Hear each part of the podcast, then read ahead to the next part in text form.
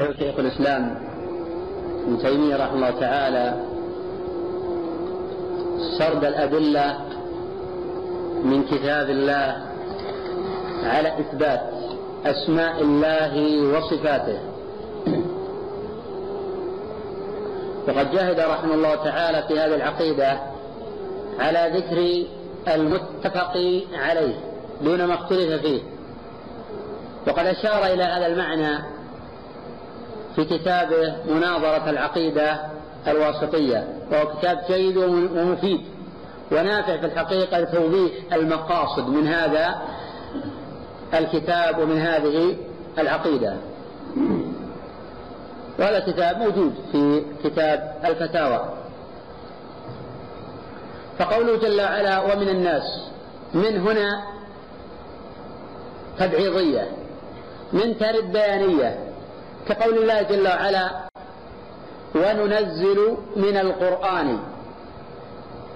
هنا من بيانية. أي من جنس القرآن.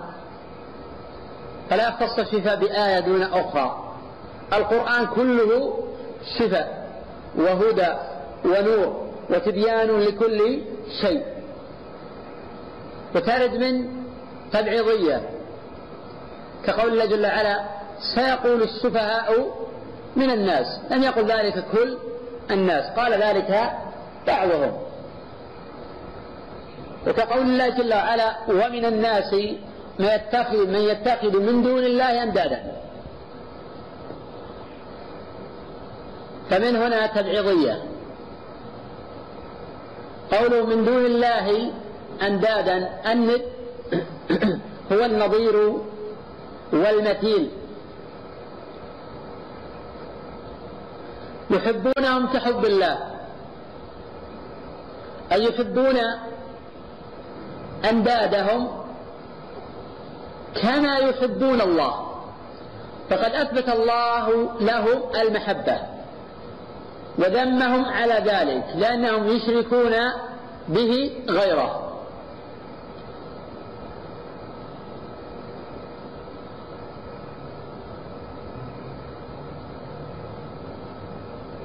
ولذلك إذا ذكر الله وحده اشمأزت قلوب هؤلاء. وقد أدى بهم هذا الحب والشرك إلى الغلو والإفراط في معبوداتهم. بحيث يقدمون رضا المخلوق على رضا الخالق. ومحبوبات المخلوق على محبوبات الخالق وإذا تعارض لديهم أمران أمر يحبه الله ويحبه رسوله صلى الله عليه وسلم وآخر تهواه نفوسهم ويعتقدون أنه محبوب لأوثانهم ومعبوداتهم يقصون محبوبات الله.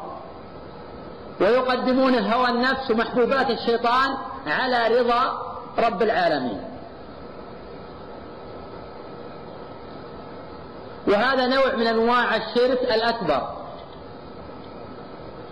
الشرك الأكبر له مراتب متعددة منها حب غير الله كطاعة غير الله كعبادة غير الله.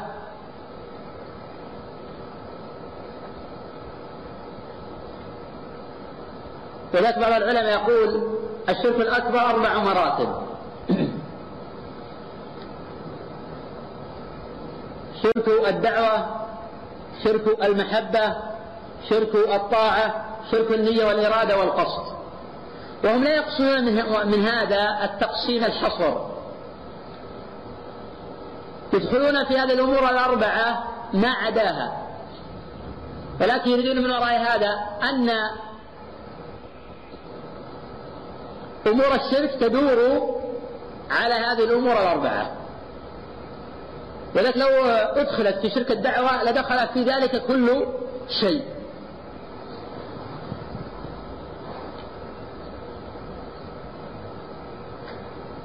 قوله والذين آمنوا أي وحدوا وأخلصوا أعمالهم لله أشد حبا لله أي من أهل الأنداد لأندادهم.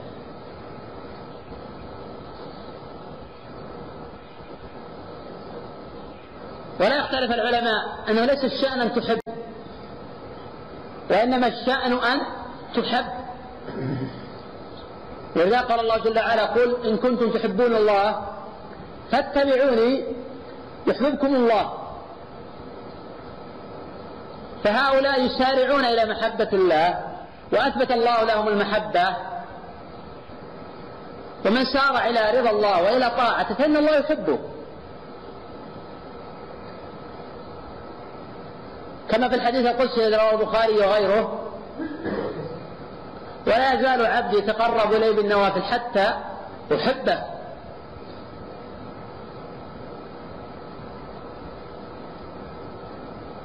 قوله والذين آمنوا أشد حبا لله أي من أهل الأنداد لأندادهم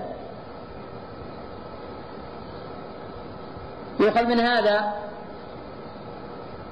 إثبات فعل العبد.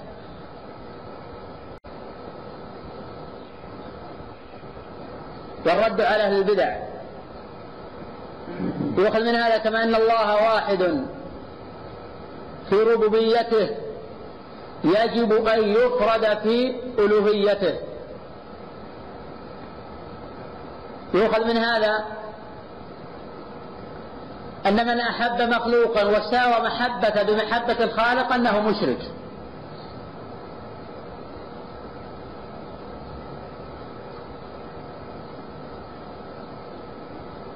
يؤخذ من هذا. أن أفعال العباد مخلوقة لله جل وعلا.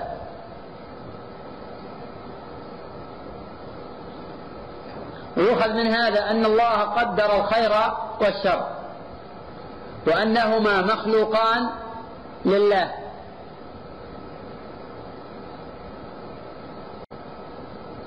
ويؤخذ من هذا بيان عظمة الله جل وعلا. ويؤخذ من هذا أهمية التوحيد. وأثره على النفوس والمجتمعات. ولا قيمة لأحد بدون التوحيد. ومن لم يكن موحدا لله فالبهائم أحسن حالا منهم. بل قال الله جل وعلا أضلوا سبيلا. فإن الله جل وعلا ما خلق الخلق من قلة فيستكثر بهم ولا من ضاعف فيستنصر بهم ولا من وحشة فيستأنس بهم. خلقهم لحكمة مذكورة في سورة الذاريات إلا ليعبدون وما خلقت الجن. قدم الجن على الإنس لأنهم أسبق خلقا. والإنس إلا ليعبدون.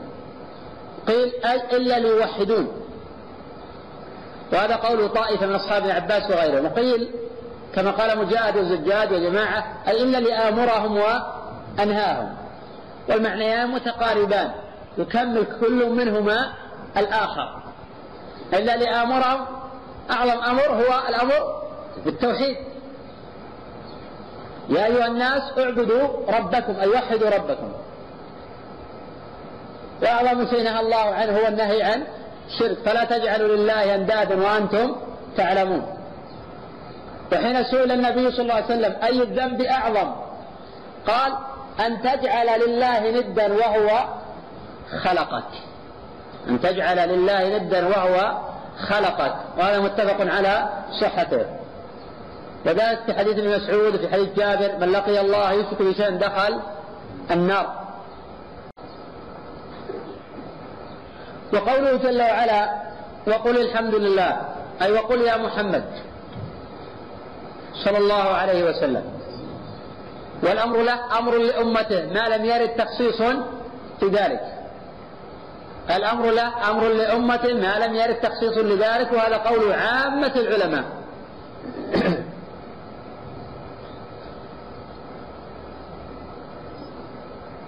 وقل الحمد الألف واللام للاستغراق. باستغراق جميع المحامد.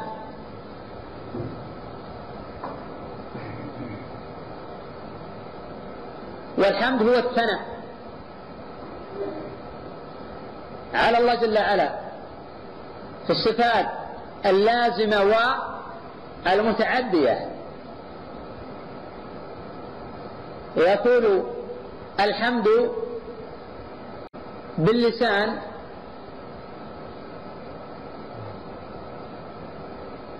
والقلب. بخلاف الشكر فقد قال بعضهم أفادتكم النعماء مني ثلاثة يدي ولساني والضمير المحجبة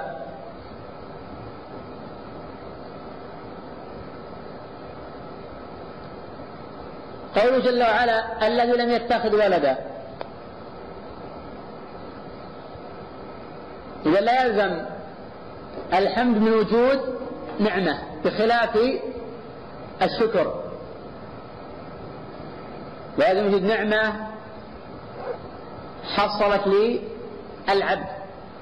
وإن كانت هذه تعتبر منة الله جل وعلا يحمد على كل ما له من الأسماء والصفات. الحمد لله الذي لم يتخذ ولدا. فيها الرد على من؟ اليهود. وقالت اليهود عزير ابن الله. وفيها الرد على النصارى. وقالت النصارى المسيح ابن الله. ذلك قوله بأفواههم. يظاهرون قول الذين كفروا من قبل. قاتلهم الله. كل ما في القرآن قاتلهم بمعنى ماذا؟ لعنهم. قتل الإنسان ما أكفره بمعنى لعن. قتل الخراصون لعن الخراصون. قاتلهم الله أن يفكون لعنهم الله. أن يفكون أي حيثما وجدوا وحيثما حلوا وحيثما كانوا.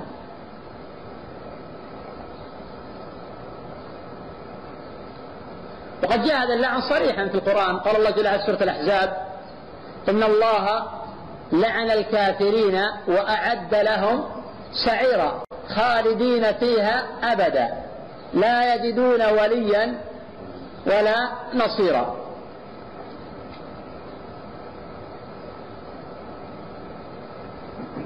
وقال تعالى قل هو الله أحد الله الصمد لم يلد ولم يولد ولم يكن له كفوا أحد. قوله جل وعلا ولم يكن له شريك في الملك. لأن لو كان له شريك في الملك لعلى بعضهم على بعض. كصنيع ملوك الدنيا يتنافسون على الملك ويؤذي أو ويضر بعضهم بعضا ويسعى بعضهم لعزل الآخر. وحينئذ لا ينتظم العالم.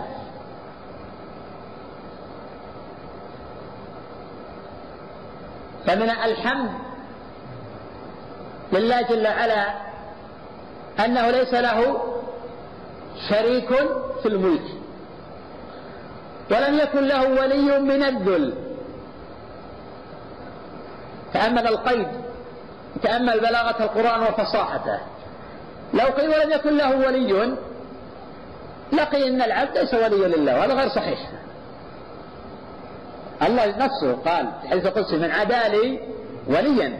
لكن الله قيده القيد من الذل أي من الضعف والحاجة إلى الآخرين. يا أيها الناس أنتم الفقراء إلى الله والله هو الغني الغني المطلق. الغني المطلق. الحميد الذي يحمد على ذلك.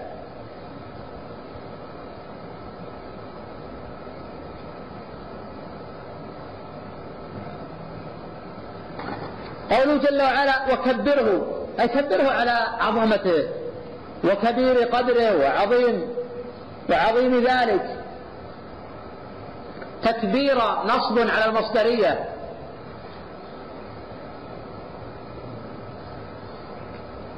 فإذا قال العبد الله أكبر أي لا شيء أكبر من الله. ولا شيء أكبر شهادة؟ قل الله.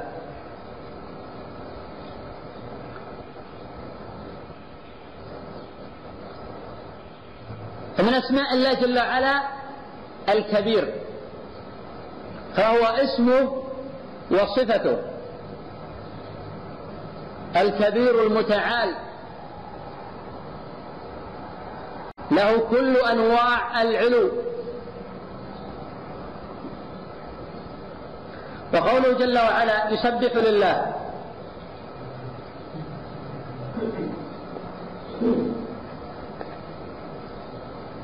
ما في. الما هنا بمعنى الذي. بمعنى الذي أي يسبح لله الذي فاعل. فاعل.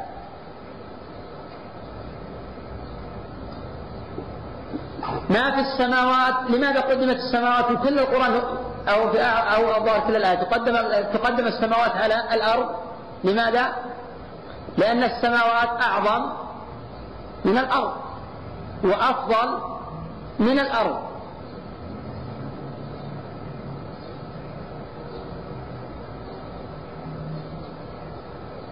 أن الأرض خلقت قبل. ثم استوى إلى السماء وهي دخان. ثم استوى إلى السماء فسواهن سبع سماوات. قوله وما في الأرض؟ أي يسبح لله كل شيء في السماء وفي الأرض. هذا دليل على عظمة الله جل وعلا. وأن كل شيء مفتقر إلى الله. له الملك. قال تعالى مالك يوم الدين. وقراءة الأخرى وهي قراءة سبعية صحيحة ملك يوم الدين.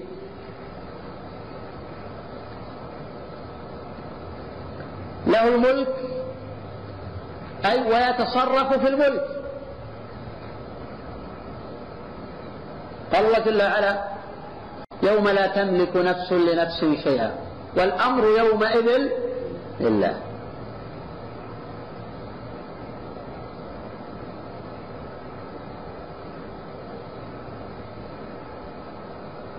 وله الحمد. الألف اللام الاستغراق له الحمد المطلق والكمال من ذلك. وهو على كل شيء قدير في إثبات صفة القدرة لله جل وعلا. الله لا يعجزه شيء في الأرض ولا في السماء. وهو الغني الحميد.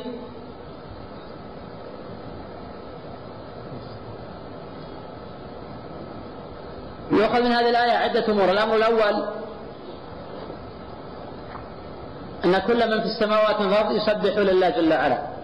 حتى الجمادات والحشرات والطيور والدواب على اختلاف ألوانها وأشكالها. قال تعالى وإن من شيء وإن من شيء إلا يسبح بحمده ولكن لا تفقهون تسبيحا ما معنى لا تفقهون؟ لا تسمعون. صحيح. معنى لا تفقهون بمعنى لا تسمعون.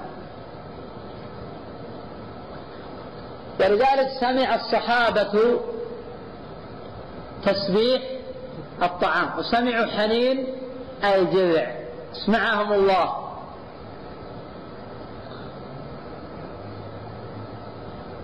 ولذلك في آخر الزمان يستنطق الله جل وعلا الأشجار في قتال اليهود. تقول الشجرة يا مسلم أنطق الله أطلق الله الذي أنطق كل شيء. هذا يهودي ورائي تعالى فاقتله. وهذا متواتر عن النبي صلى الله عليه وسلم ونحن نؤمن بذلك. وكل مؤمن يجب عليه يؤمن بهذا. وأن الله جل وعلا في آخر الزمان يستنطق. فتكون الشجرة مناصرة للمؤمنين على اليهود.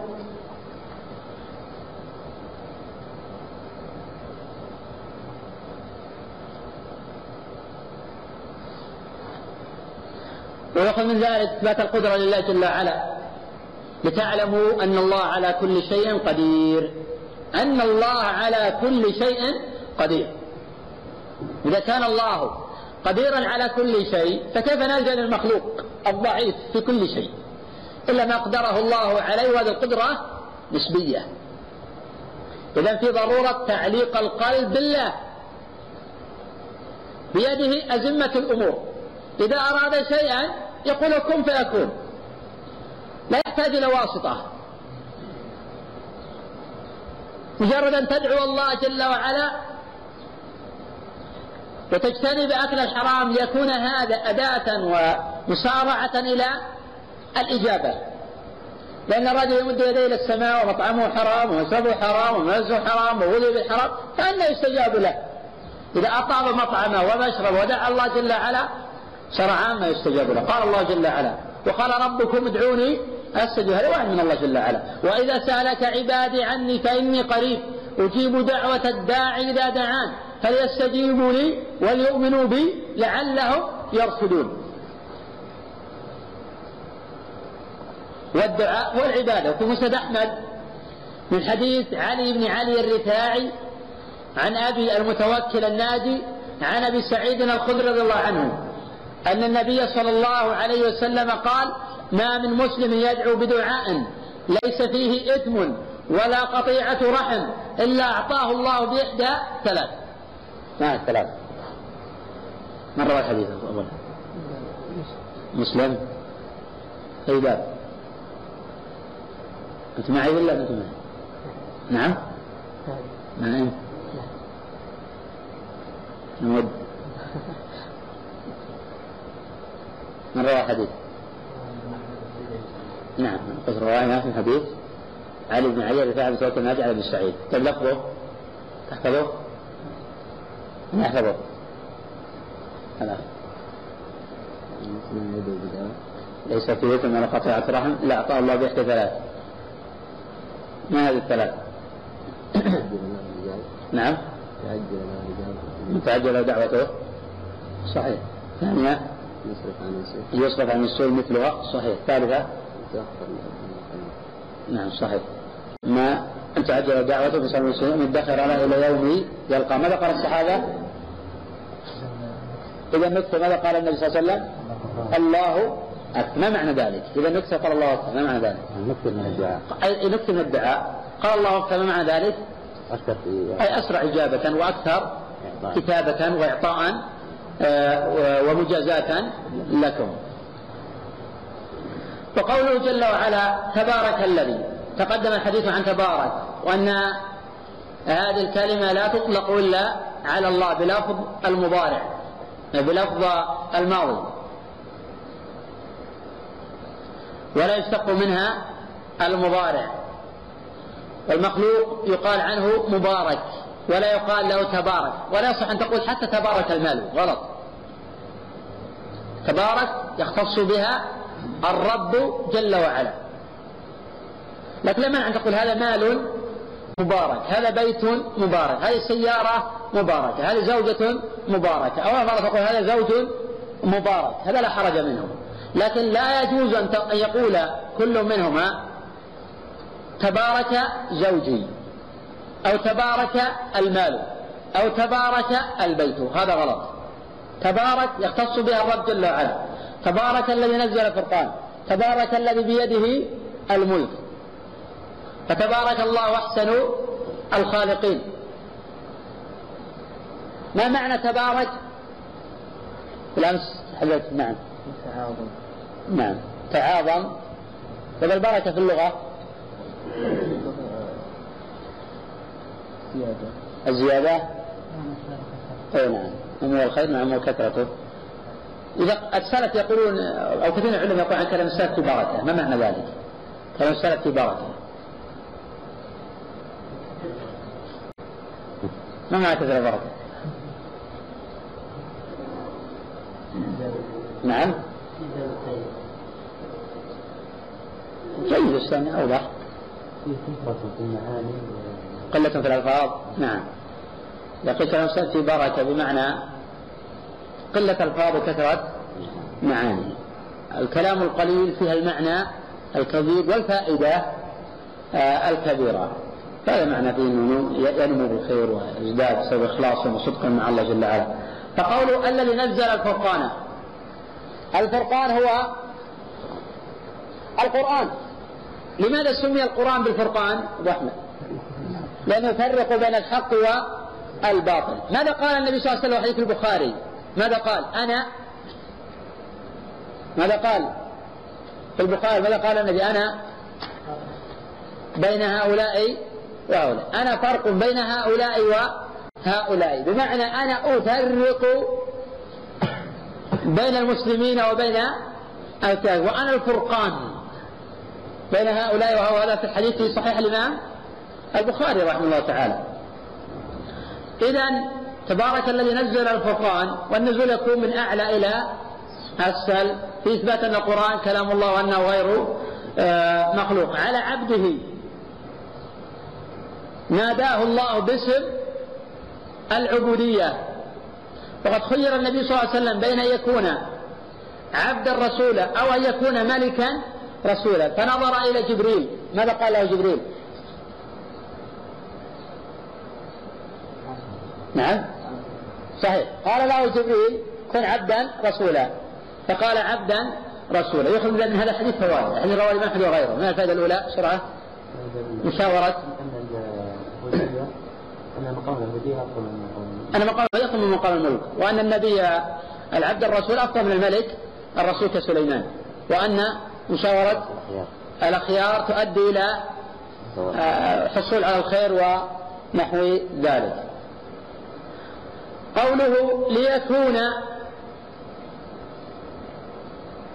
ما هو الذي يكون ليكون الفرقان لأن الحديث عن الفرقان. أي ليكون القرآن للعالمين أي من الإنس والجن. وكل ما سوى الله عالم. نذيرا. قال الله جل وعلا عن نبيه إن أرسلناك شاهدا ومبشرا ونذيرا. شاهدا. ومبشرا ونذيرا وداعيا إلى الله بإذنه وسراجا منيرا. وسراجا منيرا. إذا ليكون القرآن للعالمين نذيرا. قال الله جل وعلا وأنذر به الذين يخافون فالله جل وعلا أمر بالإنذار أي به ماذا يعود على؟ القرآن. يعود على القرآن. وقوله جل وعلا الذي له ملك السماوات والأرض. تقدم الحديث أن لله ملك السماوات والأرض تقديم السماوات على الأرض لأن السماوات أعظم. لماذا أعظم؟ من الأرض. ليش الأرض قبل خلقت قبل السماوات؟ لماذا السماوات أعظم؟ أعظم خلقا أولا أعظم خلقا. ما دليل أن السماوات أعظم خلقا من الأرض؟ الله قال الله قال خلق السماوات والأرض. خلق الناس. الأيام.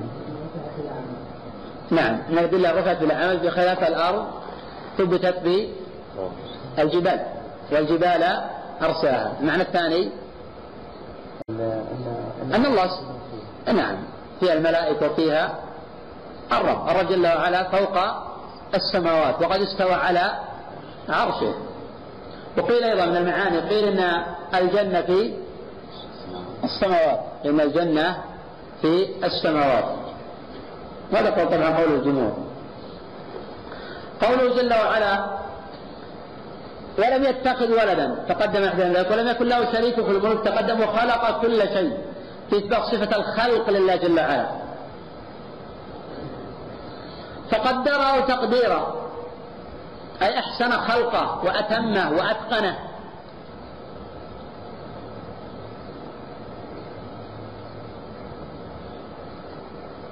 قال تعالى ما ترى في خلق الرحمن من تفاوت؟ وقال تعالى والتين والزيتون وطور سينين وهذا البلد الأمين. لقد خلقنا الإنسان في أحسن تقويم. وقوله جل وعلا ما اتخذ الله من ولد. نفى الله جل وعلا عن نفسه أن يتخذ أو أن يكون قد اتخذ ولدا. في فيها الرد على اليهود والنصارى. وما كان معه من إله. السبب؟ لذهب كل إله بما خلق. ثم أيضا ولعلى بعضهم على بعض كصنيع ملوك الدنيا. فيحمد الله جل وعلا على ذلك. ثم سبح الله نفسه عما يصف به أو بخلاف ما يصف به المعطلون. فقال سبحان الله عما يصفون. من دعوى الإلهية مع الله كقول المجوس بأن للعالم خالقين. كقول القدرية في خالق الخير وخالق للشر. كقول الثانوية في خالق نور وخالق ظلمة. لا تنزه الله جل وعلا سبحان الله عما يصفون. أي من الباطل والضلال والانحراف. عالم الغيب والشهادة. يعلم ما تسرون وما تعلنون. أم يحسبون أن لا نسمع سرهم ونجواهم. بلى ورسلنا لديهم يكتبون. عالم الغيب والشهادة.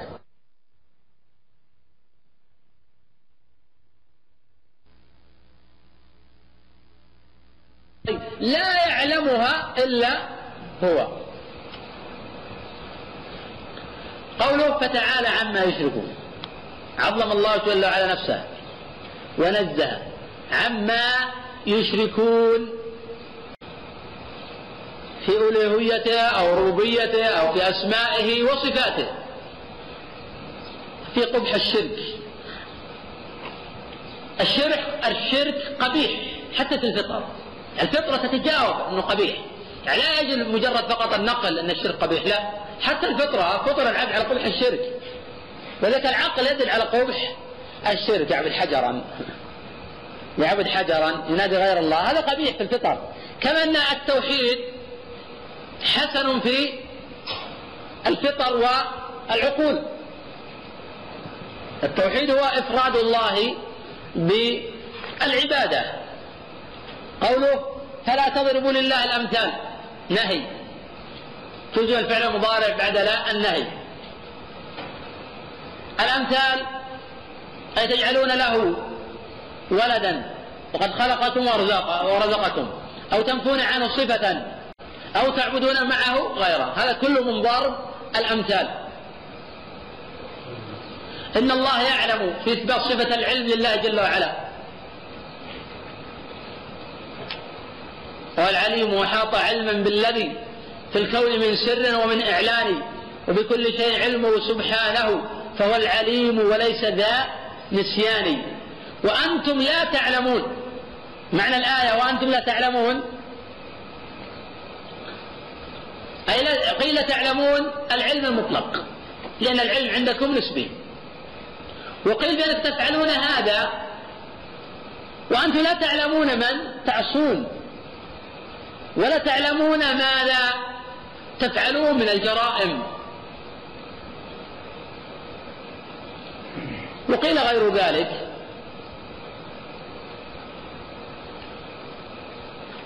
وقيل المعنى على وجه التهديد.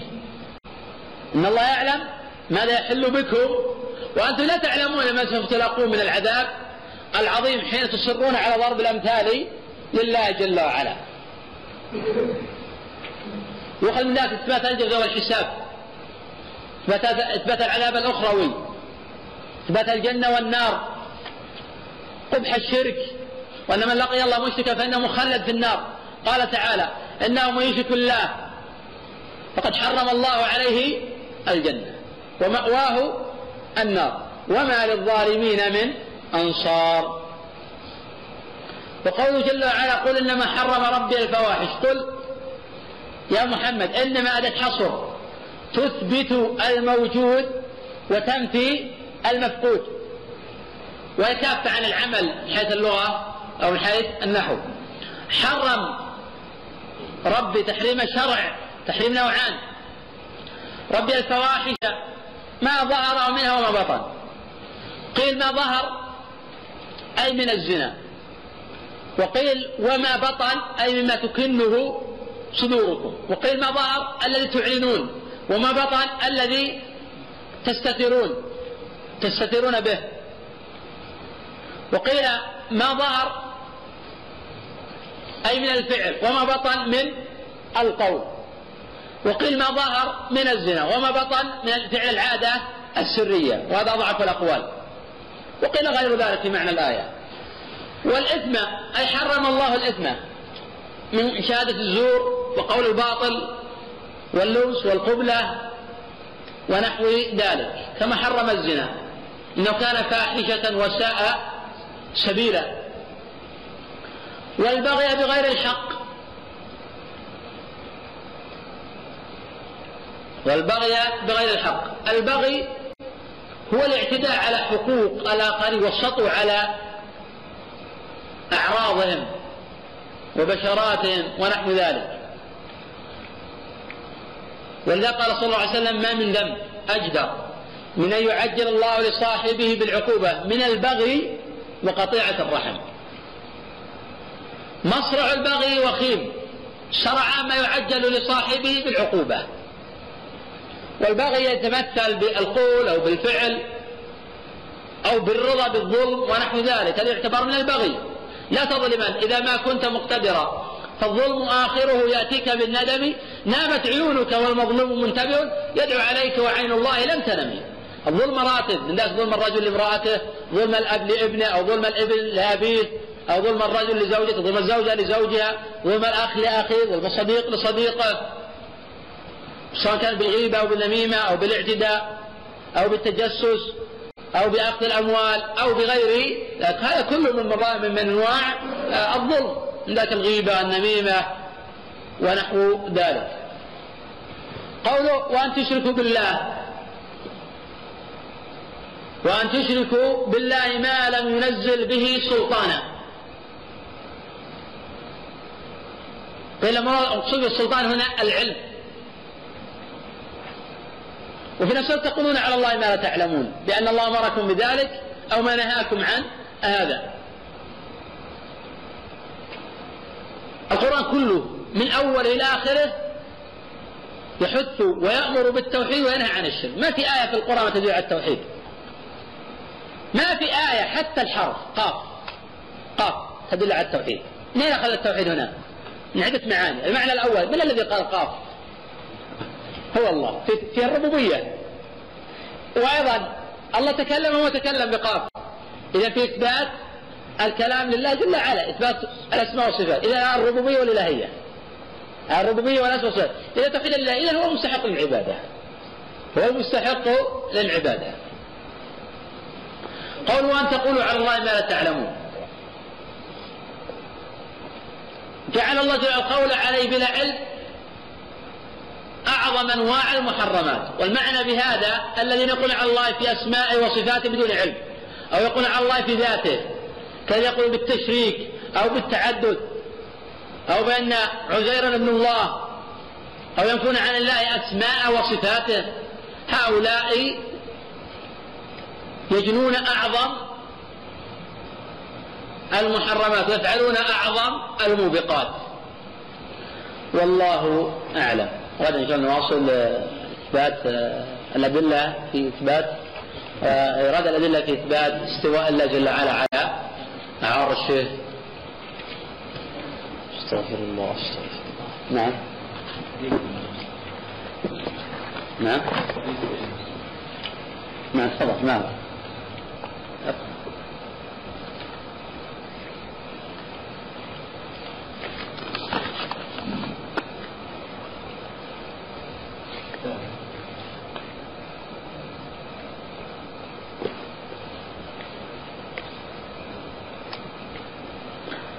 الحديث يقول حدثنا محمد بن إسماعيل طبعا قال له ابن ماجه قال حدثنا عثمان بن عبد الرحمن قال حدثنا علي بن عروة عن المقبري عن أبي هريرة رضي الله عنه قال أمر رسول الله صلى الله عليه وسلم الأغنياء باتخاذ الغنم وأمر الفقراء باتخاذ الدجاج.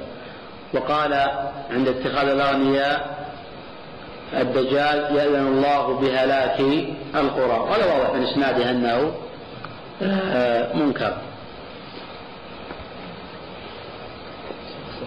نعم. هل فيه قول بعض أهل السنة في أن النار تفنى؟ لا لا ما في قول أهل السنة. أهل السنة متفقون على أن النار لا تفنى وأنها باقية ببقاء الله جل وعلا. ذكر ذلك البربهاري في عقيدة أهل السنة. نعم الأخ يسأل يقول هل يجوز مس المصحف بدون وضوء؟ ذهب الجمهور منهم الأئمة الأربعة رحمهم الله تعالى إلى أنه لا يؤذن للمحدث حدثا أصغر أو أكبر أن يمس المصحف بدون طهارة ويستدلون على ذلك بحديث لا يمس القرآن إلا طاهر. وبقول الله جل وعلا لا يمسه إلا المطهرون. والقول الثاني في المسألة أنه لا بأس بذلك لأن الله حين قال لا يمس المطهرون يقصد بذلك الملائكة. وأما حديث وأن لا يمس القرآن إلا طاهر فقد قيل بالطاهر هنا أي المسلم. أي المسلم. لقوله صلى الله عليه وسلم سبحان الله أن المؤمن لا ينجس. على خلاف العلماء في صحة هذا الخبر وإن كان الأقوى بأنه ثابت. لكن الحقيقة ما هناك دليل واضح في منع المحدث من مس المصحف لأن لو كان المحدث منهيا عن مس المصحف لبين النبي صلى الله عليه وسلم ذلك بيانا واضحا. لا تحتاج معه الأمة إلى قياس أو إلى استشكال. لأن الله ندب لأن الله حث عباده. على قراءة القرآن. والنبي صلى الله عليه وسلم ندبهم إلى ذلك وتواترت الأدلة عنه في حث المسلمين على قراءة القرآن. كيف يقرؤونه؟ الأصل أن يقرؤون محدثين وغير محدثين. يمسون مطلقا ولا جاء استثناء. ولا جاء استثناء من ذلك. القول بالجواز حقيقة أنه قول قوي. وقول الجمهور يعني أحوط الإنسان يحاول قد الطاقة أنه يتوضأ ما لم يعرض له عارض يمنعه من آه الوضوء.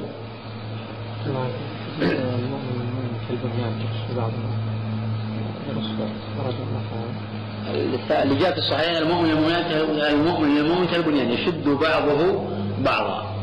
الثابت وجاء في الصحيحين مثل المؤمنين في توادهم وتراحمهم وتعاطفهم كمثل الجسد الواحد إذا اشتكى من عضو تداعى له سائر الجسد بالحمى أو بالسهر والحمى. ابن القيم هل ثبت عنه شيء واضح في قول بناء النار أو انه لا ما ابن القيم حكى الأقوال وقال رحمه الله تعالى في نهاية كلامه في حد الأرواح؟ قال هذا لفظه بلفظها بطرق قال فإن قيل إلى أين انتهى قدمكم في هذه المسألة الكبيرة التي هي أكبر من الدنيا وما فيها؟ قيل إلى قوله تعالى إن ربك فعال لما يريد. هذا نص صريح أنا. نعم. الحيوانات يعني جمل التسبيح بلسان الحال أو لما قال. لا حقيقي تسبيح حقيقي. أنا معظمة لله جل وعلا ولكن لا تفقهون التسبيح لا نحن لا نسمع آه ذلك. ولذلك أن نسمع تسبيح آه الطعام تسبيح حنين آه الجذع وغير ذلك من الأدلة. شيخ بارك الله فيك. اتخاذ الحيوانات المحنطة. تحنيط الحيوان. والله المسألة العصرية مستجدة يعني اتخاذ التحنيط الحيوانات المحنطة هو التي لا يؤكل لحمها واضح يمنع من ذلك مطلقا. لأن ما لا يؤكل لحمه لا يطهره الدباغ وأما ما يؤكل لحمه فيحتمل يكون هذا من باب التصوير المحرم. ويحتمل أن هذا هو خلق الله. والله يقول هذا خلق الله فأروني ماذا خلق لدن دونه. ويحتمل يقال لا خلق الله إذا كان بروح. وإذا كان بدون روح فيبقى أنه في حكم وإن كان مخلوقا لله لكن بحكم التصوير. لأن الله خلقه بروح. حين نزع روحه صار في حكم التصوير كما يعني لا يجوز اتخاذ الأوادي وإن كانوا كفارا محنطين ونحو ذلك. فلذلك الابتعاد عن التحنيط مطلقا أولى وأحوط وأبرى للذمة ولا سيما أن الناس يسرفون في ذلك ويبالغون في شراء المحنطات. الابتعاد عن ذلك أولى وأحرى وأبرى للذمة.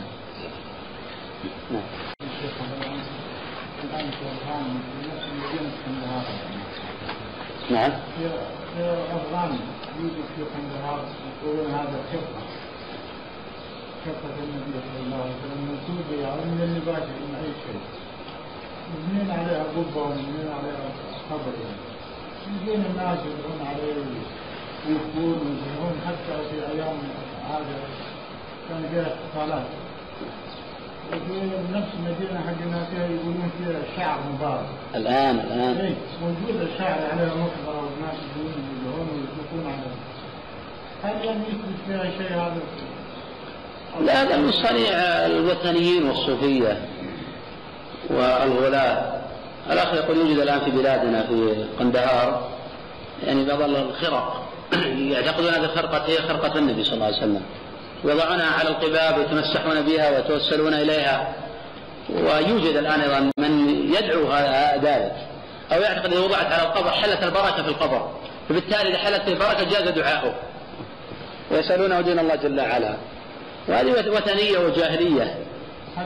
فلذلك اولا أنبه أن هذا ليس له أصل وجود خرقة أو منديل وانها موجودة من مناديل النبي صلى الله عليه وسلم.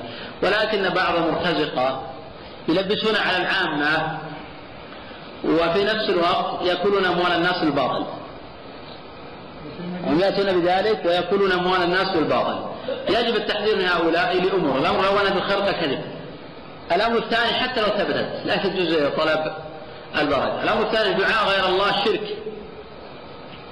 دعاء غير الله شرك. فيجب التحذير من ذلك والحذر من الوقوع في مراتع الوثنية وتجديد مراتع أهل الجاهلية في بلاد المسلمين. وفي قبر العلي يا شيخ يقولون في المزار الشريف يعني في قبر العلي رضي الله عنه يقولون في المزار الشريف وفي احتفالات الجديده وهذا ليس كصنيع الرافضة الآن في العراق يقولون قبر علي في النجف. هذا ليس له أصل دائما يحتفلون في قبر علي بأنه في النجف. وهذا ليس له أصل. ثم لو صار في قبر علي في النجف هل يحتفل به؟ هذا من البدع كما هو من بدع الأقران بالذات في حكومة آه، المجرم آه، قرضاي تجديد ال- الوثنية وإعادة آه، المزارات الشركية تحت غطاء مزار الشريف وهو علي ثم يعبدون غير الله جل وعلا. هذا من الوثنية وليس له أصل. فلذلك لا, لا علاقة. علي لم يثبت أصلا دفنه في ولم يرد أصلا دخوله في أفغانستان. فبالتالي هو مختلف في هل علي في المدينة أو في العراق. والاكثر من العلماء بأنه في العراق لكن لم يثبت أنه في النجف بل هذا كذب ذلك أنه في النجف هذا من الكذب آه، البين. ثم أنه من عقائد أهل السنة والجماعة أنهم لا يبنون القباب على القبور. لأن إذا كانوا يحبون عليا فعلا فإن النبي بعث عليا لا تدع صورة إلا ولا قبرا مشرفا إلا سويته. ولكن هؤلاء الرافضة تعود اصولهم إلى الاعجم فالعجم يبغضون العرب. هؤلاء. اصولهم إلى فارس وذلك كانوا صادقين. الآن تأملوا عقلا يعني. ولا شركهم واضح وثنيون هؤلاء بلا إشكال. لكن عقلا. الآن حكومة إيران مثلا تمنع اللغة العربية؟ يزعم فعلا يحب القرآن؟ لا حقا يحب القرآن؟ يحب علي كما ينادون الآن بمحبة علي. هم يشركون في علي ما يحبون عليا لكن إذا كان فعلا ليش ما يقتدون في علي بلغته؟ ما يريدون اللغة العربية ابدا يحاربونها. وذلك حتى الخليج العربي ينازعون فيه سياسيا وعالميا. ما في ما في خليج عربي. يسمون الخليج الفارسي. هؤلاء وثنيون مجوس. هؤلاء وثنيون مجوس. نعم. ربما حديث الإنسان إذا كان جنب يتوضأ فنام ثم استيقظ هل يتوضأ مرة أخرى أو يأكل جنبه لا ينظم العين؟ أعد أعد إذا توضأ كان الإنسان جنب يتوضأ فنام. استيقظ هل يتوضأ مرة أخرى لل- للإغتسال؟ لا ما ينتقض الوضوء. إذا الأخ يقول شخص أجنب ثم توضأ ثم نام ثم استيقظ مرة أخرى هل يتوضأ؟ لا لا يلزم. إذا سئلت وضوءا ليس ينقضه سوى الجماع وضوء النوم للجنوب. حفظوا هذا البيت. إذا سئلت وضوءا ليس ينقضه سوى الجماع وضوء النوم للجنوب. فلذلك إذا توضأ وهو جنوب. طبعا يشرع ذلك لفعل النبي صلى الله عليه وسلم في الصحيحين حين قال رسول الله يقول احدنا رجل قال نعم إذا توضأ متفق عليه. ثم حصل أو فساء براط وغير ذلك لا ينتقض وضوءه. لأن من الأصل أن هذا الوضوء لم يرفع الحدث فلا ينتقض هذا الوضوء إلا بالجماع. فلا ينتقض هذا الوضوء إلا بالجماع. إذا سئلت أعيد إذا سئلت وضوءا ليس ينقضه سوى الجماع وضوء النوم للجنوب. نعم. لا حكم للشهادة في النكاح والله أصح الأقوال بأن الشهادة في النكاح واجبة ليست سنة وليست شرطا. قال الله جل وعلا وأشهدوا ذوي عدل منكم. حديث لا نكاح إلا بولي وشاهدي عدل صحح جمع العلماء. احتج به أحمد صحح البخاري وجماعة من العلماء. وصحح أيضا علي بن المديني رحمه الله تعالى. علي بن صح هذا الحديث.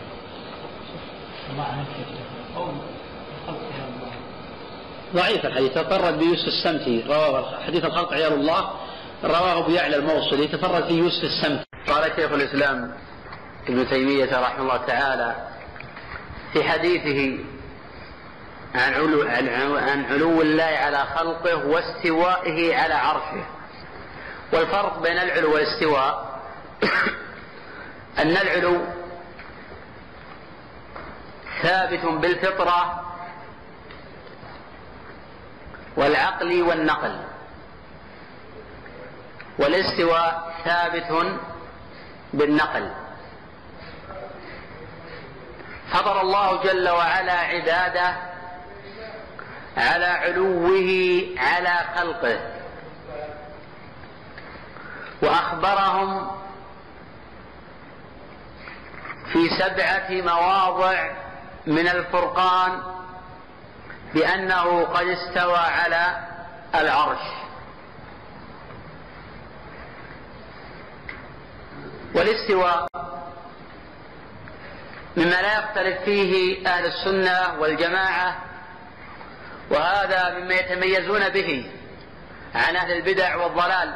كالجهمية والمعتزلة والأشاعرة والكرامية والماتريدية وغير هؤلاء. من الذين لا يثبتون استواء الله على عرشه. ويحرفون الاستواء بأنه بمعنى الاستيلاء. وهذا تنقص لله بمعنى أنه ما استولى حتى خلق السماوات والأرض. والله جل وعلا مستول على كل شيء قبل أن يخلق السماوات والأرض. الاستواء غير الاستيلاء. ولذلك لو كان الاستواء هو الاستيلاء لذكر الله ولو في موضع واحد ثم استولى على العرش ليحمل المطلق على المقيد. القرآن كله في سبعة مواضع في ذكر الاستواء. وأهل السنة يذكرون أربعة معان للاستواء. نظمها الإمام ابن القيم رحمه الله تعالى في نونيته فقال فلهم عبارات عليها أربع. قد حصلت للفارس الطعاني. ويستقر وقد علا وكذلك ارتفع الذي ما فيه من نكران. وكذاك صعد الذي هو رافع. وأبو عبيدة صاحب الشيباني يختار هذا القول في تفسيره أدرى من الجهمي بالقرآن.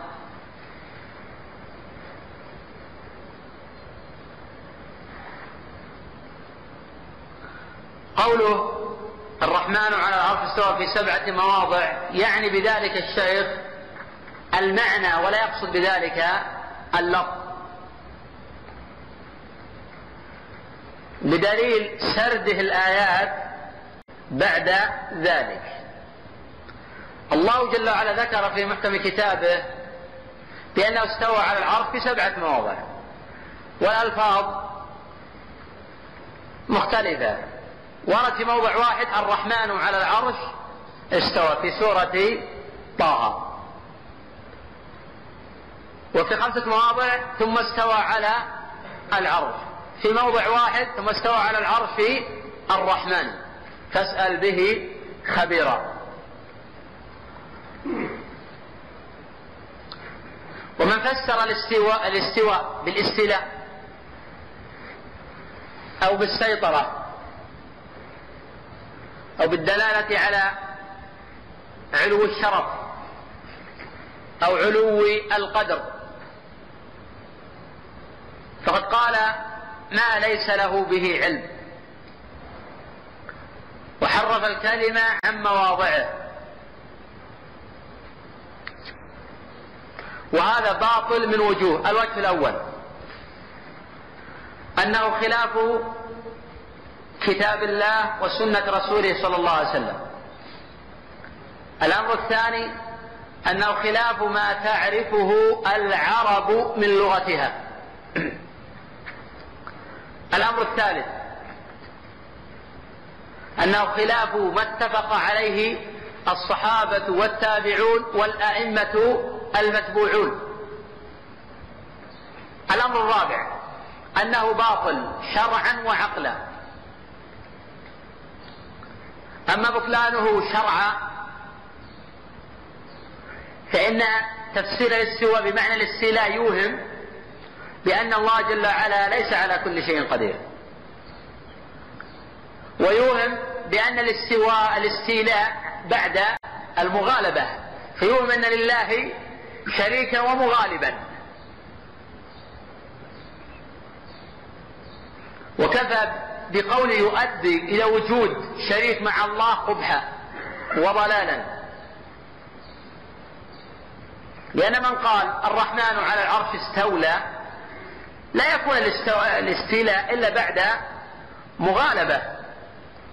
ما اتخذ الله من ولد وما كان معه من إله. إذا لذهب كل إله بما خلق ولعلى بعضهم على بعض. سبحان الله عما يصفون عالم الغيب والشهادة. فتعالى عما يشركون. وأما بطلانه عقلا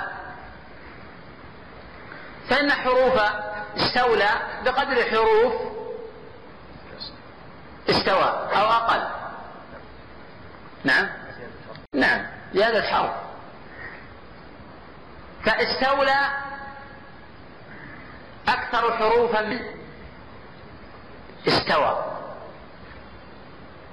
ولا يؤدي المعنى بأي وجه من الوجوه. لو كانت الحروف متماثلة. وجاءت اللغة في المترادف. لقيل هذا يعنى به هذا أو يقصد به المترادف. ولكن الاستواء أقل حروفا من الاستيلاء ففي تغاير في الحروف وتغاير في المعاني. الأمر الثاني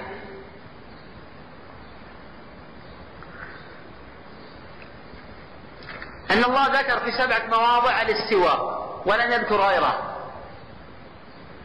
فمحال عقلا أن يكون المذكور غير المراد.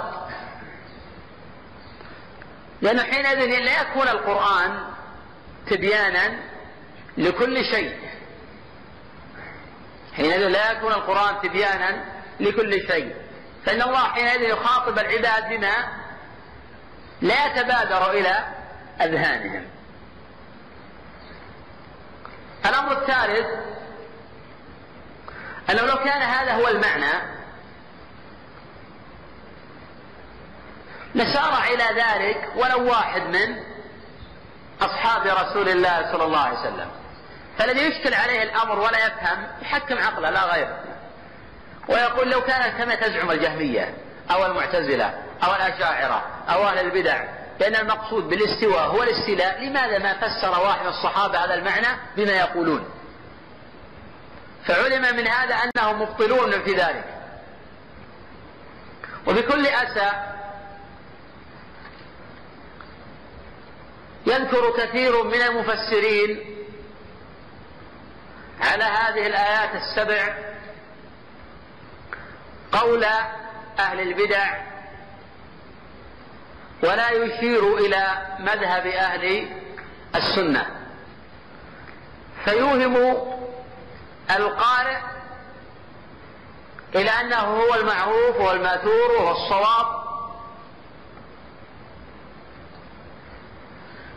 ولا يكاد يخلو تفسير من تفاسير القرون الوسطى والمتأخرين من ذلك إلا من هدى الله جل وعلا. وكان على الجادة الحافظ ابن جرير في تفسيره والإمام ابن أبي حاتم في تفسيره والإمام ابن المنذر في تفسيره والإمام عبد بن حميد في تفسيره والإمام البغوي في تفسيره والحافظ ابن كثير رحمه الله تعالى في تفسيره وجملة من تفاسير المتأخرين كتفسير السعدي وأمثاله. بينما ذهبت بعض التفاسير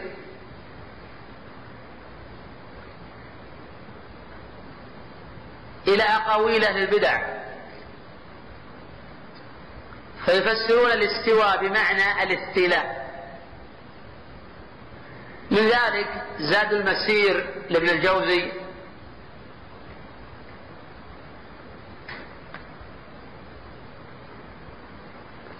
ومن ذلك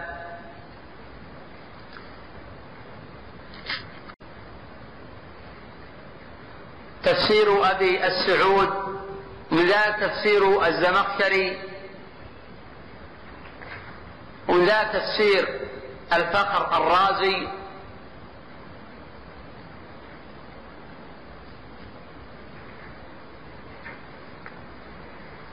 ومن ذلك الكتاب المختصر الذي تداوله كثير الناس تفسير مسمى بتفسير الجلالين. فإن هذا التفسير في باب الأسماء والصفات على مذهب الأشاعرة. ولذلك لا ينصح المبتدئ بقراءته. المفروض أنه لا يوزع في المساجد. حتى لا يتلقى المبتدئون عقيدة الأشاعرة. ثقة بالمفسرين أو ظن منهم أنه لا يكاد يوزع في بلاد أهل السنة إلا ما كان على مذاهب أهل السنة. وفي بدائل أقوى منه كتفسير السعدي وتفسير الميسر ونحو ذلك هذه أقوى من تفسير الجلالين.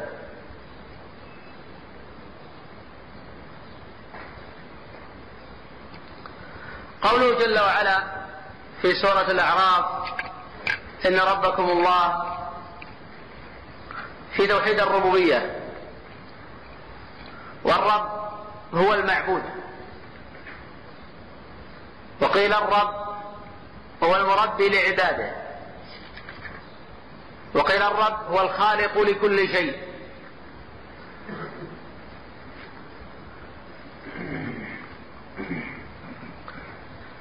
قول إن ربكم الله الذي خلق السماوات والأرض. تقدم أن الأرض خلقت قبل السماء وقدمت السماوات على الأرض لأن السماوات أشرف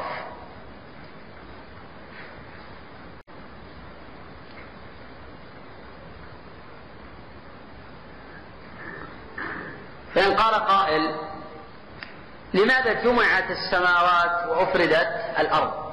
هل يعني هذا أن الأرض واحدة؟ الجواب أنه جاء ما يفيد بأن الأراضين كالسماوات. قال الله جل ومن الأرض مثلهم. هذا الآية صريحة بأن الله خلق سبع أراضين كما خلق سبع سماوات. وبدليل قوله صلى الله عليه وسلم من ظلم شبرا من الأرض طوقه يوم القيامة من سبع أراضين. طوقه يوم القيامة من سبع أراضين وهذا خبر متفق على صحته.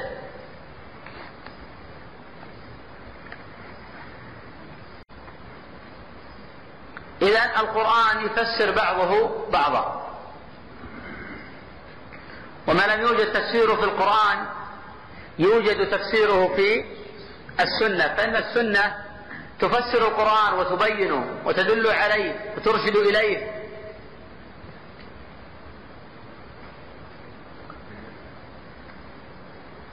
قوله في ستة أيام. أي من أيام الله. ذكر ذلك الإمام أحمد وغيره. لقول الله جل وعلا وإن يوما عند ربك كألف سنة مما تعدون.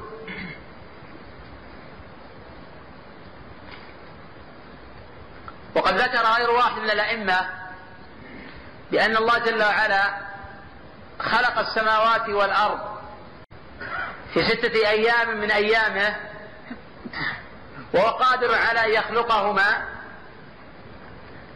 في طرفة عين. ولكن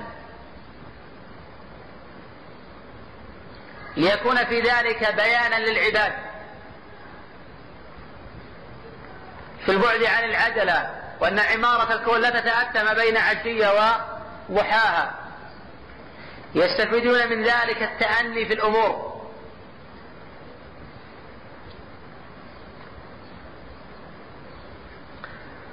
وقيل غير ذلك. هذا مجرد التماس لبعض العلماء وليس بلازم يكون صوابا الذي نؤمن به بأن الله خلق السماوات والأرض في ستة أيام. لماذا؟ الله أعلم بذلك. العلماء يلتمسون الحكمة وقد ذكرت شيئا من ذلك.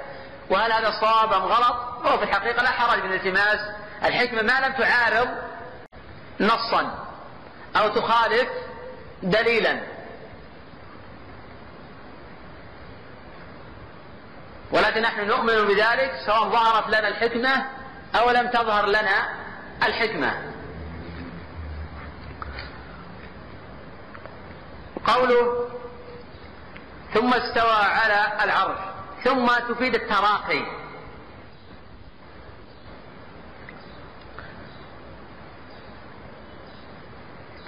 وتفيد العطف. بخلاف الواو تقول قدم زيد وعمر لا يزال يكون زيد قبل عمرو. لكن حين تقول قدم زيد ثم عمرو يفيد أن قدوم زيد قبل عمرو. فحين قال الله جل ثم استوى على العرش. هذا يفيد أن الاستواء بعد الخلق. والأدلة صريحة بأن خلق الأرض قبل خلق السماء. فحينئذ حين خلق السماء استوى على العرش. إن قال قائل قول جل وعلا والأرض بعد ذلك دحاها نقول الدح كان بعد خلق السماء وات. بخلاف خلق خلق الله الأرض ثم خلق السماء ثم دحى الأرض بعد ذلك.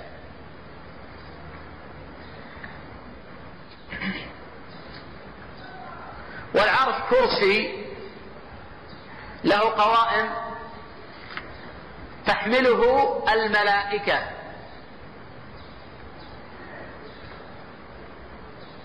ويحمل عرش ربك. يومئذ فوقهم ثمانية. قيل إن الثمانية يحملونه في الدنيا وفي الآخرة.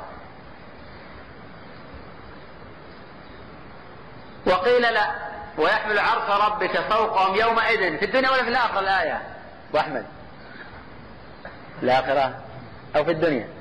أكيد. هلا. تبارك الأقوال. وأحمد يقول في الدنيا.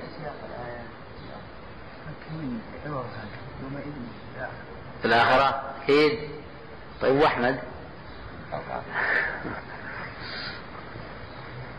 نعم. الآية سياق الآيات شعر ويحمل عرش ربك فوقهم. يومئذ ثمانية الآية سياق الدنيا صح تحكم الآخرة.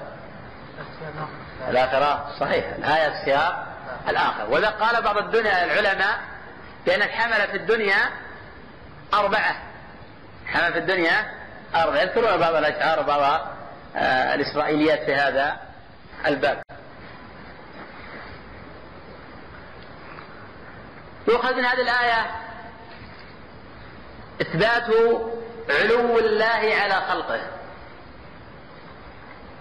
وهذا لا يختلف فيه أهل السنة. وقد قال ابن القيم في نونيته في نظم معتقد أهل السنة في ذلك واتفاق الأئمة على هذا وكذلك النعمان قال وبعده يعقوب والألفاظ للنعمان. من لم يقر بعرشه سبحانه فوق السماء وفوق كل مكان. ويقر بأن الله فوق العرش لا تخفى عليه هواجس الأذهان فهو الذي لا شك في تكثيره لله درك من إمام زماني. من هو النعمان؟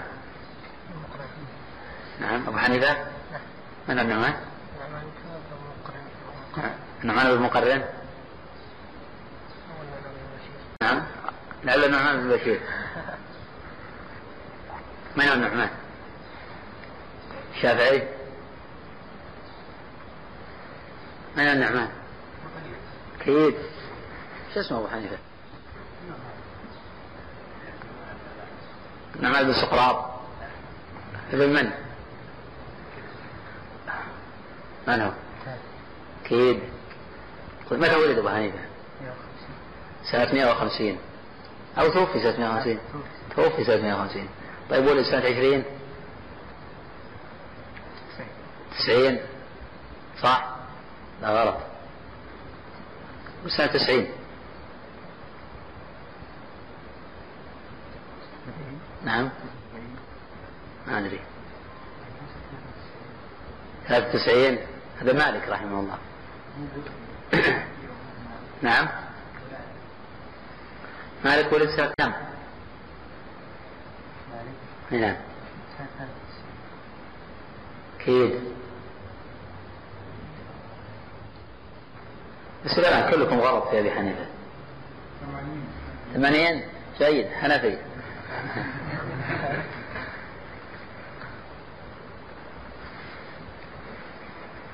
ولد الإمام أبو حنيفة سنة ثمانين وتوفي سنة مئة وخمسين. في نفس السنة التي ولد فيها الإمام الشافعي رحمه الله تعالى. طيب متى ولد الإمام أحمد؟ حنبلي. ما تدري؟ لابد تدرون تحفظون لابد العلم حفظ الأسئلة هذه الإنسان يحرص أكثر ويستوعب أكثر لابد يحفظ المواليد والوفيات نعم. نعم. طيب متى توفي؟ 82 41 صحيح. ولد الإمام أحمد سنة 164 وتوفي سنة 41 و200 طيب متى توفي مالك؟ اي نعم. تعطينا ولا لك الخيارات الثلاث؟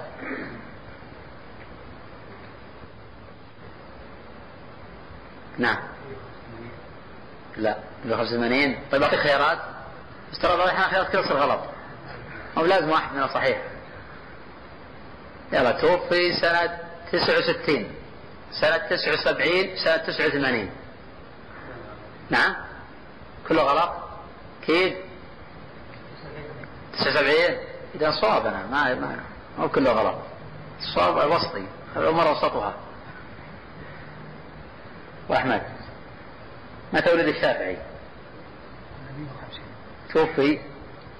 204 ما عاش الشافعي إلا 54 هو أقل الأئمة. عمران. صحيح 204 ما اخطيت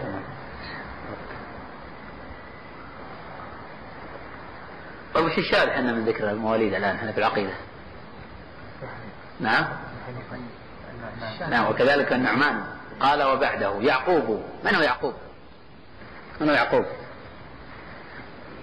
نعم. من هو؟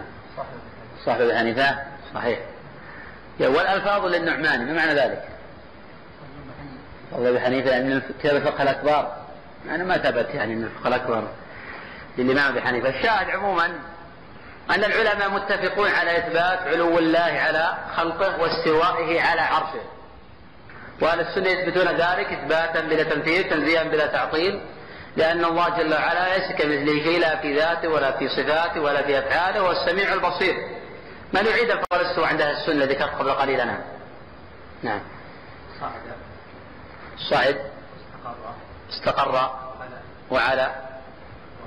صعد قلتها استقر. وعلى. وارتفع. وارتفع. صحيح. طيب جلس. طيب الاثر يذكره العلماء يجلسوا على العرش.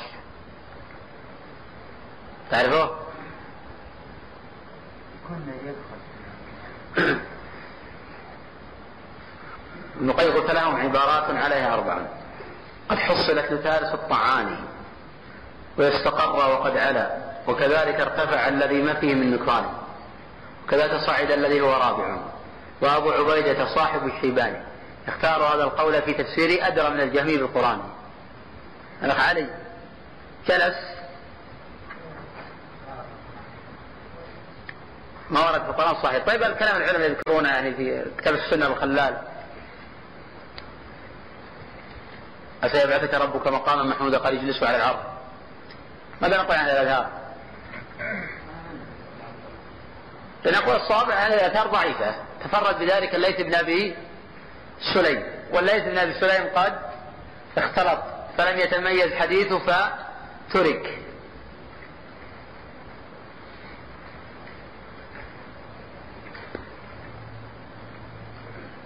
نستفيد من الاستواء. الاستواء؟ اي نعم إيش نفهم من الاستواء يعني؟ وتفتنا الاستواء لله. الله عز وجل مستوى على عرشه فقط معروف ان موسى أنا أقول لك إن الله عارف يرد على أهل البدع طيب البدع ما يثبتون الاستواء؟ طيب ليش أهل البدع ما يثبتون الاستواء؟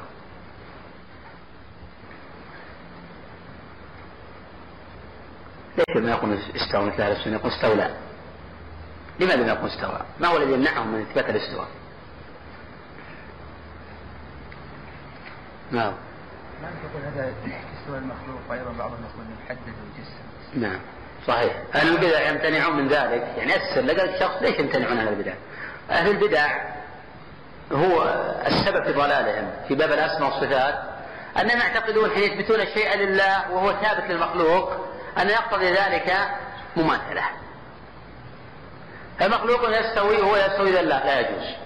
الأمر الثاني عندهم أيضا ملحظ آخر يقولون حين نثبت الاستواء نثبت الجهة والتحيز. وهذا من ضلالهم وانحرافهم. فهم يشبهون اولا ثم يعطلون ثانيا ثم يشبهون ثالثا. في أمر الرابع ما هو؟ أنكم لا تكثرون القراءة في العقيدة. لأن بعض الأسئلة ما تجاب عليها وهي سهلة. فلا بد أنكم تكثرون القراءة بعمق بالذات في كتب ابن تيمية وكتب ابن القيم. المجلد الخامس والسادس لابن تيمية من الفتاوى. ما يكفي إن طالب العلم يقرأهما مرة ولا مرتين. يقرأهما أكثر من ذلك ليستفيد في مذاهب السنة في هذا الباب وكيفية الرد على البدع وما هي منطلقات البدع في الاستدلال. طبعا تقدم إن المعتزلة والأشاعرة يقدمون العقل على النقل في الاستدلال. فلذلك هذا سبب ضلالهم. وأيضا تقرؤون من الكتب المهمة الصواعق للإمام ابن القيم. طبع من الأصل أربعة مجلدات والمختصر موجود ومتوفر. ينبغي لكل طالب علم أن يقرأ مرة مرتين ثلاثا أربعة. ويقرأ وتقرأون كتاب الرد على الجهمية للإمام الدارمي والإمام ابن مندى. وتقرؤون أيضا كتاب المحجة لقوام السنة الأصبهاني. وتقرأون كتاب الشريعة للإمام الأجري. وتقرأون كتاب شرح أصول اعتقاد أهل السنة والجماعة للإمام اللالكائي. وغيرها كثير من كتب أهل السنة المتفق على معانيها وكبير قدرها وعظيم منزلتها. والبقية في تفسير هذه الآيات هو نفس التفسير في مسألة أو في الآية الأولى. قوله جل وعلا في سورة يونس إن ربكم الله الذي خلق السماوات والأرض في ثم استوى على الأرض سورة الرعد. الله الذي رفع السماوات بغير عمد ترونها. قوله بغير عمد ترونها في ذلك تفسيران للعلماء. من منكم يعرفهما؟ بغير عمد ترونها في تفسيران للعلماء. صادق.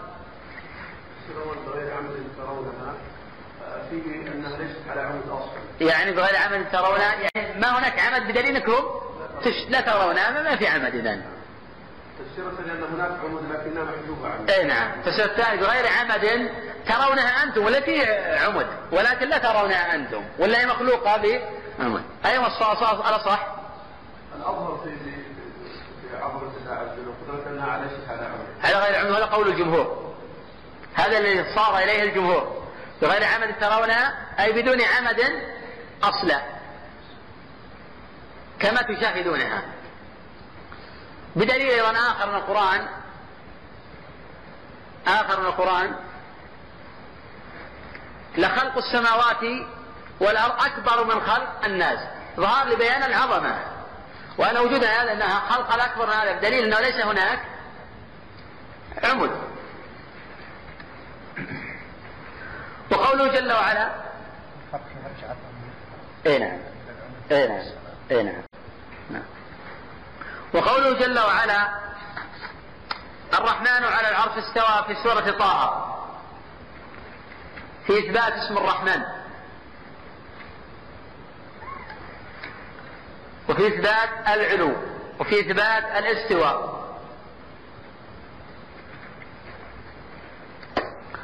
أهل السنة يثبتون ثلاث معاني من معاني العلو. ما هي واحدة؟ السنة اي نعم. الجنبي دائما يتورط. نعم. علو. علو الذات. علو الذات وعلو القدر الشرف. صحيح. طيب الخلاف بين أهل السنة وأهل البدع في اي الانواع على العلو؟ لا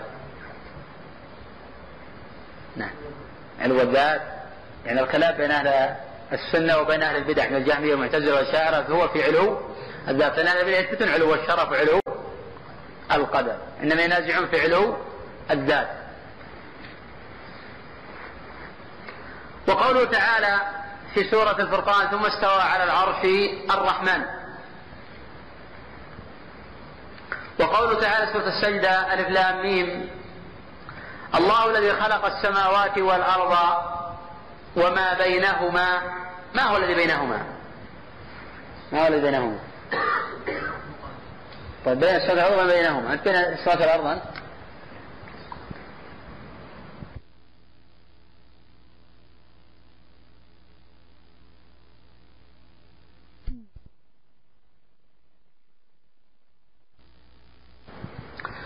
في ستة أيام ثم استوى على العرش. سورة الحديد هو الذي خلق السماوات والأرض. في ثم استوى على العرش. خلق. ما الفرق بين اسمي الله؟ الخالق والمصور. ما الفرق بين اسمي الله؟ الخالق والمصور. سلمان. نعم. الخالق ما لا؟ ارفع الصوت. الموجد. الخالق هو الموجد على غير مثال سابق. هذا الخالق؟ نعم صحيح. والمصور؟ الخالق البارئ المصور. بأسماء الله الخالق والمصور. ما الفرق بين الخالق وما أن تقول الخالق هو الموجد على غير مثال سابق. هذا صحيح. وما خلقت الجن أي وما وجدت الجن والإنس إلا ليعبدون. على غير مثال سابق. واضح الخالق. طيب المصور؟ معنى أخص. حتى نستفيد بين الخالق والمصور. نعم.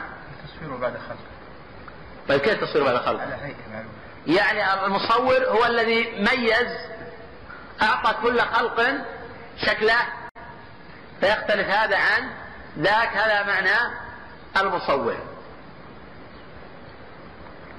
شيء طيب والبارئ؟ الخالق البارئ المصور. البارئ لا على غير مثال هو مرادف. من الألفاظ؟ أو من الأسماء؟ نعم المرادفة. ولكن قد يكون في نوع تخصيص في بعض القضايا كما تفضلت. نعم. إن شاء الله نتناول غدا إن شاء الله إثبات علو الله على خلقه. الشيخ راح يقدم أدلة الاستواء على قدر أدلة العلو. معنى إذا ذكر الاستواء يلزم من ذلك العلو. لكن إذا ذكر العلو ما يلزم ذلك الاستواء ولذلك لو قدمت أدلة العلو على الاستواء لكان أصح لكان أصح. نعم. اي نعم. تحتهم ارض تحتهم ارض نعم. اي نعم. جمع السماوات وإثبات الأرض اي نعم. نقول جائز أدلة يعني أدلة أخرى. وأن هذا يعني أبلغ. في, السياق وخلق السماوات والأراضين أرض لأن الأرض في نوع شيء من المصدرية. زيادة على هذا أدلة أخرى أثبتت أن الأراضين سبع. شيخ. يقال المبتدع من قول بيت عارف هنا أولا آه، البيت هذا قد استوى بشر على العراقي وهذه سيف ولا دم مهراقي. أولا هذا ليس بحجة هذا الشعر. لأن بعض الناس يحتج بأشعار الأخضر النصراني وأشعار فلان وعلان مما ليس بحجة على كتاب الله ولا على سنة رسوله صلى الله عليه وسلم. الأمر الثاني استواء المخلوق. المخلوق يستوي لكن استواء المخلوق لوجود مغالب له. والله لا مغالب له ما اتخذ الله من ولد وما كان معه من إله. إذا لذهب كل إله بما خلق ولا على بعضهم على بعض. الأمر الثالث أن هذا البيت قبل محرف وهذا الذي ذهب إليه كثير من أهل آه، اللغة.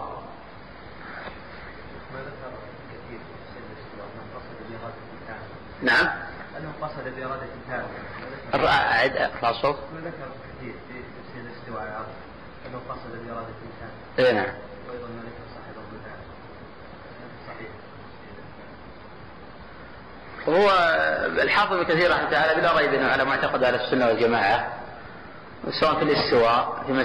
تفسير الاستواء في تفسير غيره ولكن نعم تارة رحمه الله يورد بعض ال- ال- الألفاظ كرد على أهل البدع حين قال بإرادة تامة هو كرد على أهل البدع الذين يقولون آه، لوجود آه، يفسرون الاستواء بالاستيلاء فهو كان قال بلا بإرادة تامة بلا مغالب أصلا يعني كقولنا في لغتنا أي باختياره. فهو أراد هذا المعنى. وإن كان اللفظ المفروض أنه لا, لا, يذكره. لكن أراد بذلك الرد على البدع. وذلك بعض أهل السنة يقول استوى على العرش بذاته. هذا حق. لكن لفظ بذاته لم ترد. لكن كنوع رد على أهل البدع. الذي يقول نحن نقول استوى. لكن بمعنى استواء الشرف استواء القدر. فأهل السنة يقول بذاته كرد على أهل البدع الذين ينفون علو الذات ونفس الأمر كما تفضلت عن صاحب الظلال. أنا ذكر يعني وافق الأشاعرة في هذا الباب لكن يختلف عالم أو طالب علم أو مفكر يوافق الأشاعرة في مسألة ويتبنى هذه القضية وبين آخر يوافقهم كنوع نقل. فبعض الناس قد يذكر قول الشاعر ويتبناه. هؤلاء لا يتبنيان قول الشاعر يذكرانها على شيء نشأ أو شيء نشأ عليه. فإذا يبين الغلط بلا شك لكن يختلف أمره عن آخر. يتبنى نصرة مذهب الأشاعرة. وعموما هذا القول غلط يجب توضيحه وبيانه. سواء صدر من عالم كبار أهل السنة أو من مفكر أو من أديب أو من غير آه، ذلك. ولكن إذا صدر من شخص له قدم صدق في الإسلام نحاول نعتذر عنه ونلتمس له آه، العذر ونبين الغلط لأنه لا نتحاشى كثير من الغلط ممن أيا آه، كان.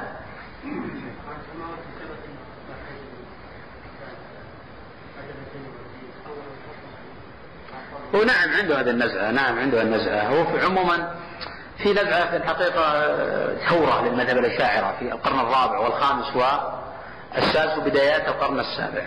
ثورة كبيرة. في الحقيقة إلى عصرنا هذا. والجامعات الآن في العالم العربي والإسلامي كله. باستثناء الجامعات الموجودة في بلادنا. هؤلاء الجامعات كلها اللي في مصر واللي في سوريا واللي في لبنان جامعات كلها جميع الدول العربية والإسلامية تدرس في الحقيقة في العقيدة المذهب الأشعري أو المذهب الماتريدي باستثناء الجامعات الموجودة في بلادي يدرسوا العقيدة الوسطية أو الطحوية حقيقة هذا يستدعي من العلماء طلبة العلم بيان الحق لأن طوائف من الناس يعتقدون أن المذهب الأشعري هو مذهب السنة. لكن حين تقرأ تفسير القرطبي رحمه الله على جواز قدره وعظيم منزلته هو مذهب الأشاعرة. إذا قال التفسير قال أهل السنة لا يقصد أهل السنة اللي تعرف يقصد الأشاعرة. يقصد الأشاعرة. أبو بكر البغدادي كتاب الفرق بين الفرق إذا قال أهل السنة يقصد الأشاعرة. النووي كثيرا ما يقال السنة في شرح مسلم يقصد الأشاعرة. حافظ بن حجر وغير هؤلاء من الأئمة كبار لهم قدرهم ومكانتهم وعلمهم وحفظهم ولهم صولة وهيبة في قلوب أهل الإسلام. آه، يخفى عليه مذهب أهل السنة من مذاهب أهل البدع. نعم.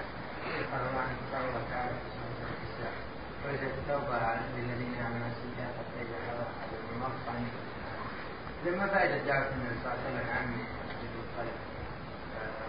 لا جعلت اليهود الإياس قوله جل وعلا حتى إذا حضر أحدهم قال إني تبت الآن. أي قربت علاماتها وأشرف بحيث بلغت الروح الحلقوم. بلغت الروح الحلقوم. فهذه الآية تفسر بالأحاديث والأدلة الأخرى. إذا بلغت إذا بلغت الروح الحلقوم تفسر بالأدلة لا ينفع نفسا إيمان ولم تكن آمنت من قبل أو كسبت في إيمانها خيرا. فتفسر بالأدلة الأخرى إذا بلغت الروح الحلقوم أو طلعت الشمس من مغربها. أما إذا مرض آه ولو قربت علامات الوفاة ولم تبلغ الروح الحلقوم تقبل توبته إذا تاب. بدليل أن النبي دعا عمه إلى التوبة. بدليل الحديث حتى إذا حضرت أبا طالب الوفاة أتاه رسول الله صلى الله عليه وسلم وعنده عبد الله بن أبي أمية وأبو جاز فقال يا عمي قل لا إله إلا الله لو لم تكن تنفعه هذه الكلمة ما كان لدعوته معنى ولم يرد شيء ينسخ هذا آه الحديث. نعم. طبعا الحديث الوارد في العرش قيل بصحته يعني يكون الجواب عن هذا أن هذا خاص بالنبي صلى الله عليه وسلم. لا ما ثبت شيء يعني منكر أصلا ولو ثبت ذلك حقيقه دل على أيضا العلو. يرد على الجهمية أيضا دل على العلو. لا الرتبة الجلاس هذا خاص بالنبي ليس ما يجلسه إحنا تكلمنا عن أربع ألفاظ من الفاظ السنة. نعم. ما يجلسه ليست منها بمعنى ان له بمعنى الاستواء صار بمعنى الجلوس.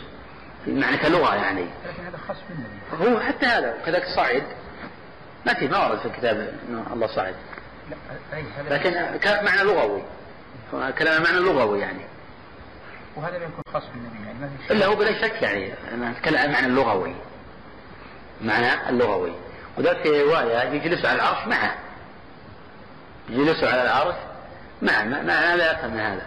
ولكن الاثر ضعيف المقصود معنى اللغوي يجلس نعم. الرد على من يقول أو يستدل على انكار الصفات تاويلها يقول لك هذا ليس كمثله شيء. الشاعر عندما تقول ليس كمثله شيء. طيب الأشاعرة تقول أن الأشاعرة يقول ليس كمثل شيء. فهم ينفون الصفات يستدلون بالآية. طيب ليش الأشاعرة يثبتون العلم؟ يثبتون القدرة؟ طوائف منهم يثبتون اليدين والسمع والبصر. ليش؟ الدليل الذي دلهم على إثبات السبع هو الدليل يحتج به على إثبات ما عداها. والدليل اللي يحتجون به على نفي ما عدا السبع هو الدليل يحتج به على نفي السبع. ليس كمثل شيء متفق عليه لا إشكال فيه. ومن قال أنه هناك شيء مثيل لله جل وعلا. ولكن إثبات الصفات لازم لا تمثيلا ولا تشبيها. والله هو الذي وصف نفسه. فكل شيء هذه كله وجهة الأشياء ما يثبتون الوجه الله وصف نفسه بذلك. ويبقى وجه ربك. نعم. الكرسي موضع القدمين كما فسر ذلك ابن عباس والسند إليه على شرط الشيخين. نعم. من من تحت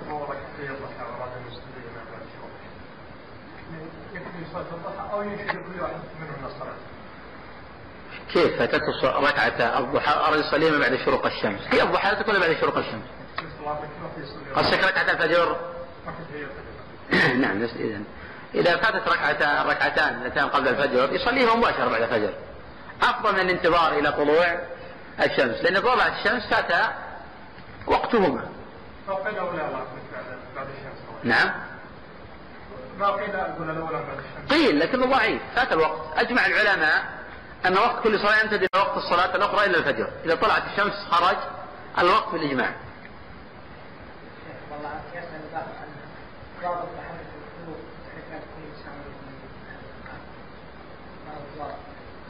في ضوابط متعددة وتحدثت عن على قول جل وعلا بالأمس ومن الناس من يشتري من الناس تحمد الله أندادا يحبونهم كحب الله وأن المحبة الشركية تكون في مساواة الخالق بالمخلوق بمعنى أن إذا تعارض آه، آه، طاعة المخلوق مع طاعة الخالق دائما يقدم طاعة المخلوق على طاعة الخالق. قدم طاعة المخلوق في ترك الصلاة والزكاة والصيام والحج. هذا دليل يحب المخلوق أكثر من محبة الخالق. تعلق تعلق بالمخلوق أكثر من تعلق بالخالق. وهذا مراتب وهذا مراتب.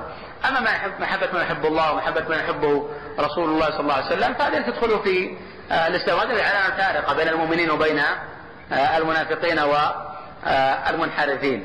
فهذه مراتب يختلف شخص عن الآخر وفي نفس الوقت قد تزيد وقد تنقص في قلب العبد تبعا لزيادة الإيمان آه، نقصان أو قد يكون العبد عاصيا في تخلف هذه المحبة أو قد يكون مشركا على حسب وجود المحبة في قلبه. محبة آه، آه، الزوجة ومحبة الابن ونحوه. هذه المحبة طبيعية حتى قد يكون الابن عاصي ولكن تحبه لأنه أقرب إلى قلبك محبة طبيعية لكن لا تحبه لأجل معصيته. لأن هذا نقص في لما تحبه لميل. كما الإنسان قد يتزوج يهودية ونصرانية وهذا جائز بالإجماع من أهل الكتاب.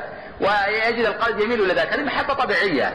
لكن محبة محبة مقتضى من النصر والتأييد كله حرام هذا كله للمؤمنين ومع مسألة حديث البزنة حقيقة الله كما في عمل نعم. في ضعف الحديث هذا.